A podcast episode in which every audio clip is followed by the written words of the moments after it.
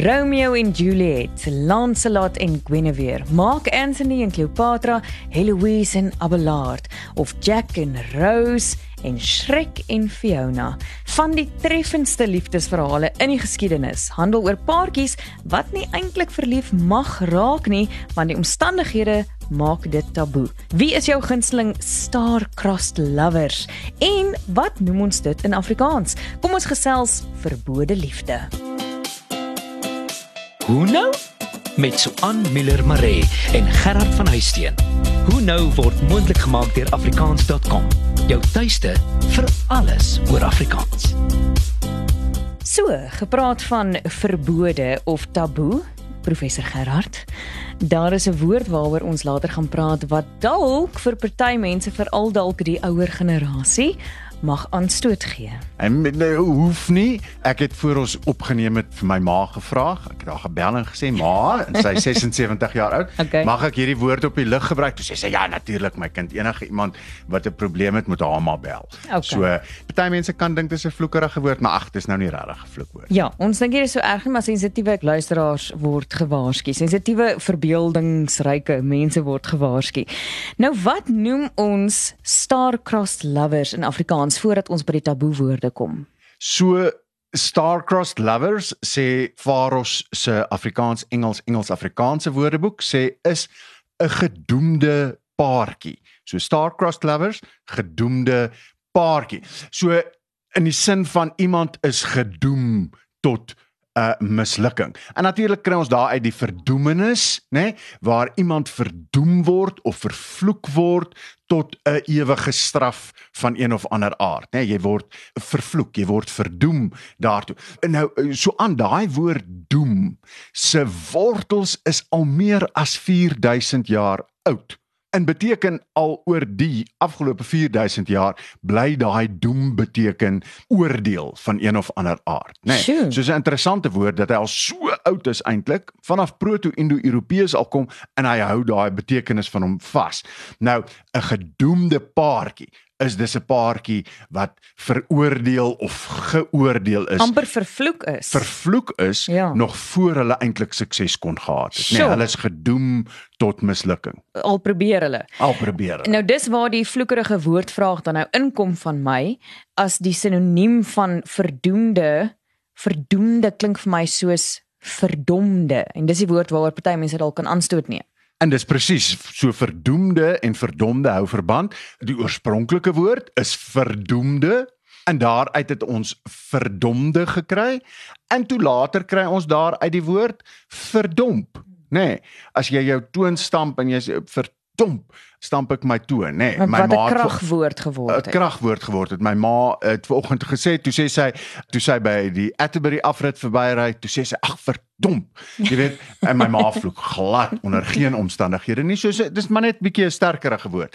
Nou dis presies waar dit vandaan kom, kom van hierdie verdoemde af. Net soos die Engelse, nê, is presies die ekwivalent van damn, nê, verdoem, damn, damn it Damned. damned, né? Ja. En wat ons toe in Afrikaans lekker gekry het met damn it, né? Nee, so dis waar damn it vandaan kom. So betekenisgewys is damn it en verdomp eintlik dieselfde ding, né? Nee, hulle Wow. uh, uh, dit gaan terug op daardie verdoemenis. Maar dis interessant verdoem en verdomp is nie die enigste woorde wat half verkort is oor die jare wat daai die oë o geword het of so nie. Dit gebeur min, dit gebeur nie so baie nie, maar dink byvoorbeeld aan die Nederlandse bloem wat by ons blom geword het? Bloemen. Verdoem, verdom, né? Nee, Ja. En dan ek weet net van een ander ene, maar hemp se meervoud is Hemde. hemde, net. So daai p verdwyn heeltemal en dan word dit hemde. Ja. En net so verdomp se attributiewe vorm is verdomde, verdomp met 'n p Ah. teenoor verdomde. En die verdomde het nou natuurlik niks te maak met kinders wat verdom het uh, in die skoolstelsel of so Ek iets nie. wonder net wat het want die ouer generasie, my ouma het altyd gepraat van die blooming bloomer. Jy die weet. blooming kinders. En daai blooming het weer te maak met bloody, nê. Nee, so Ah, dis weer okay. heeltemal 'n ander ding. Net na die breek gesels ons oor die Engelse star-crossed lovers en waar dit vandaan kom bly ingeskakel op hoe nou. Afrikaans is so lekker soos koeksisters braaibroodjies en kondensmelk koffie. Dit is jou taal. Dit is wie jy is en hoe jy leef. Daarom nooi ons jou. Kom skryf saam aan die toekoms van Afrikaans. Vir gratis leerhulp, taalnuus, vermaak, speletjies en meer. Besoek www.afrikaans.com en volg ons op sosiale media. Koop dit, lees dit, praat dit, leef dit. afrikaans.com. Jou tuiste vir alles oor Afrikaans. Jy luister na Hoe nou met Gerard en Swan en Swan en Swan. Welkom terug. Ons gesels oor verdoem gedoemde, nie verdoemde paartjies nie, of verdomde paartjies nie. Gedoemde paartjies. Dit is dalk makliker om op hierdie stadium oor te skakel na die Engels star-crossed lovers. So hoe nou Gerard, waar kom die uitdrukking star-crossed lovers vandaan? Uh kom ek laat jou raai. Ek gaan vir jou 'n bekende aanhaling lees en dan stop jy my die oomblik as jy weet waar uit hierdie aanhaling kom. Kom ons kyk hoe slim is jy.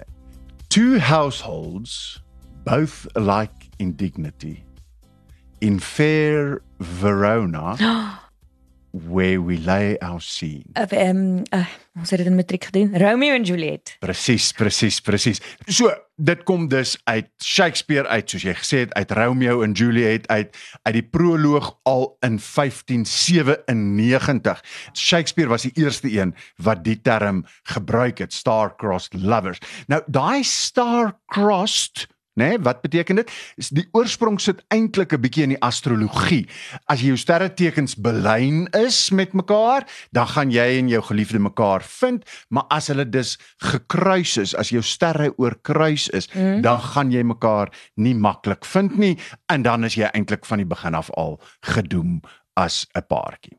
So dit laat my dink aan daai fliek Serendipity waar hulle hulle sterre kon dank letterlik dat hulle by mekaar uitgekom het. Ja, en dit het maar hulle het ook baie daarin geglo in die middeleeue en die tyd van Shakespeare. Natuurlijk, so die natuurlijk. sterre wou nie gehad het dat hulle by mekaar moet uitkom nie en het dit ook nie so beplan nie en dit het ook nou nou nie reg uitgewerk nie. Presies tog. Maar is Romeo en Juliet al ooit in Afrikaans vertaal? Ja, so daar's twee vertalings interessant genoeg beide in 1975, die een deur Andre P Brink met die titel Die tragedie van Romeo en Juliet mm -hmm. en 'n ander een deur Jan H Kruse, Romeo en Julia. ek het hom al gesien. Ek dink ek het die verhoogstuk daarvan gesien by Aardklop. O, met Julia ja, en nie met Julia. Julia. Julia, nou, Julia. Hierso uit eh, hier's 'n stukkie vir jou 'n aanhaling uit Brink se vertaling. Weer van die proloog. Twee huise, eenders in hul waardigheid in Fraai Verona waar ons stuk afspeel. Hmm. En dan uit die gedoemde lende van die vyande ontspring twee minnaars deur hul ster bedreig. Dis goed gedoen Andre, well nee, done. Pragtig. Nou so aan 'n interessante feit vir jou. Mm. Daar's al bewys dat een uit elke 9de woord in 'n Shakespeare drama beteken nie meer vandag wat dit toe beteken het nie. Oh. Jo. Jy kyk eintlik dis amper vir 10% van 'n Shakespeare drama sit jy en kyk as jy in Engels kyk, dan dink jy o, dit beteken dit, maar dan beteken dit eintlik glad nie dit nie. Kom ek gee vir jou 'n voorbeeld ook uit Romeo en Juliet uit. Wat sien jy voor jou geestesoog as jy die volgende reël hoor? O Romeo, Romeo, wherefore art thou Romeo? ek sien vir Julia of Juliet wat op die balkon staan en daar in die groot tuin van die paleis soek na waar kruip Romeo tussen die roosblare weg en dan steek die dorings hom en dan o oh, o oh, therefore art thou Romeo. nou goed, ek dink dis die Come dis die dis die algemene opvatting sy vra, waar is jy Romeo? Maar glad nie, dis nie wat daai wherefore beteken nie. Daai wherefore is in Afrikaans waarvoor. So hè, wherefore, waarvoor. Wat eintlik meer waarom beteken. Presies, presies. So ons kan nog steeds vandag eintlik sê daai waarvoor wat waarom beteken hè. Ek het sommer uh, gou-gou in hedendaagse korpusse van Afrikaans gaan soek en dan kry ek seker sinne soos waarvoor sal ek nie maar ry en gaan koffie drink nie. Nê? Nee, wat eintlik is, Ah. hoekom sal ek nie maar ry en gaan koffie drink nie? Waarom sal ek nie ry en gaan koffie drink? Waarvoor sal ek nie maar ry en koffie gaan drink nie? Waarvoor sal ek jou help? Jy weet, is hoekom sal ek jou help? Waarvoor sal ek jou help? En so sy vra eintlik, Romeo, hoekom is jy Romeo? Ho- Hoekom is jy 'n Capulet? Hoekom is jy 'n Capulet? Sy Ja. vra nie waar is jy nie. Sy vra hoekom is jy want sy weet nie hy's daaronder nie. Ja, dit was toevallig dat hy daar tussen die rose weggekruip het en hy het dit ook verkeerd verstaan. Hy was dalk 'n Afrikaner en gedink, "O, sy, sy wil weet waar's ek. Hier's ek, skat." taallesse vir hom, taallesse vir hom. Dis baie interessant. So dit wys jou eintlik Willem Wikkelspies of Shakespeare het ons lewens baie beïnvloed, nê, nee? minstens wat liefdesverhale betref en taal dan nou ook. Nie net vir Afrikaans maar klomp tale in die wêreld. En omdat jy gesê het Willem Wikkelspies, is dit tyd vir luisteraarsreaksie. Ons het nou baie aangegaan oor uh, Romeo en Julia of Romeo en Juliet, maar daar's eintlik nog soveel voorbeelde van gedoemde paartjies in bekende liefdesverhale. Hier's byvoorbeeld mense wat laat weet het wat van 'n Paris van Troje of Paris van Troje. Ek weet nou nie hoe spreek my sy naam uit nie en Helena van Sparta. Die titel is eintlik mos Helen of Troy of Helena van Troje. Ja, sy kom van Troje af en hy was van Sparta. Nee nee nee, Is sy's dit van? Sparta af en toe trou sy met die man van Troje en toe val die Spartane vir Troje binne met die perd. Ek onthou net vir Brad Pitt, dis O, al. oh, ek ook en dan die vroutjie wat Helena gespeel het. Sy was maar Pragtig. Nee, sy was mos glo die mooiste vrou ooit regtig. wat gelewe het. Ek kan dit glo. En dan die eerste verhaal is wat mens as drama student leer is uh, of enige ander taalstudent, sielkunde miskien, is Oedipus en Eukaste. Presies, absoluut. En dit is eintlik nogals erg want hy het op sy ma verlief geraak sonder dat hy dit weet. Ja. En die noodlot speel daar 'n groot rol. Dan nog 'n moderne ene wat Christo vir ons van laat weet het is Jake en Netiri van Avatar. Ah, ja, Want hy was 'n natuurlijk. mens en sy Natuurlijk, was 'n natuurlijk. blou En- mens. gedaante. Kyk, ja. En dan ek, ek, ek dink nou aan die flieks ook uh, uh, Ja. in, in Star Wars, né? Ja. Nee? Anakin Skywalker en dan met daai Ja. vrou met die baie groot kroon, Pat, ja, Padme. Amadilla of so iets. Ja ja, die daai koningin. Absoluut en dan waarskynlik my gunsteling wat lyk my ook iemand anders se gunsteling is is Christian en Satine van Moulin Rouge. O oh, ja, mm. wat 'n mooi fliek. Wat Baz Luhrmann, né? Oh, Pragtig Stunning. pragtig, Waar kan jy nog dink of wat is vir jou 'n gedoemde paartjie wat uitgestaan het? Dink nou as ek so aan die flieks dink, ek het onlangs Tristan in Isolde gekyk, né, met uh, James Franco. Oh. En dis daarom ek bedoel dit is daarom nou gedoemde paartjie in hoofletters. En dan ook 'n interessante gedoemde paartjie wat ook in die Afrikaanse kultuur begin feature het as gevolg van Sheila Cousins en MP van Wyk Lou se Ja, jy het reg. vriendskap wat dalk bietjie meer as vriende was, is Heloise en Abelard. Presies, want hy hy het mos 'n gedig geskryf Abelard en Ja. sy die gedig geskryf Heloise, Ja, en né? hulle praat met mekaar. Hulle praat met mekaar en nou ja, soos jy sê,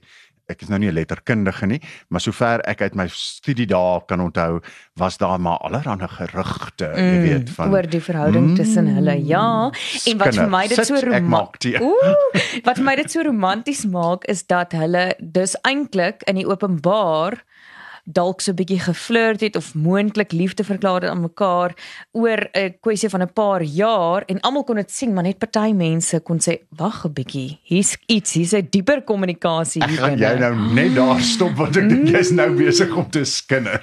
Ja, wel, ek dit maak dit vir my nog meer ehm um, sensasioneels beter as Sewende Laan. Nou goed, dit is al wat vir ons tyd het vandag. Onthou jy kan saamgesels. Wie dink jy was die bekendste gedoemde paartjie in die geskiedenis of oor enigiets anders waar jy 'n vraag wil vra, stuur vir ons 'n e-pos na info@hunou.co.za. As jy 'n vorige episode misgeloop het, gaan luister na afrikaans.com, gaan kyk op hulle webtuiste en marulamedia.co.za of enige potsending platform. Tot volgende keer. Tot dan. Hoe nou is saamgestel en aangebied deur Suan Miller Maree en Gerard van Huisteen en word moontlik gemaak met die tegniese ondersteuning van Marula Media en die finansiële ondersteuning van afrikaans.com. Jou tuiste vir alles oor Afrikaans.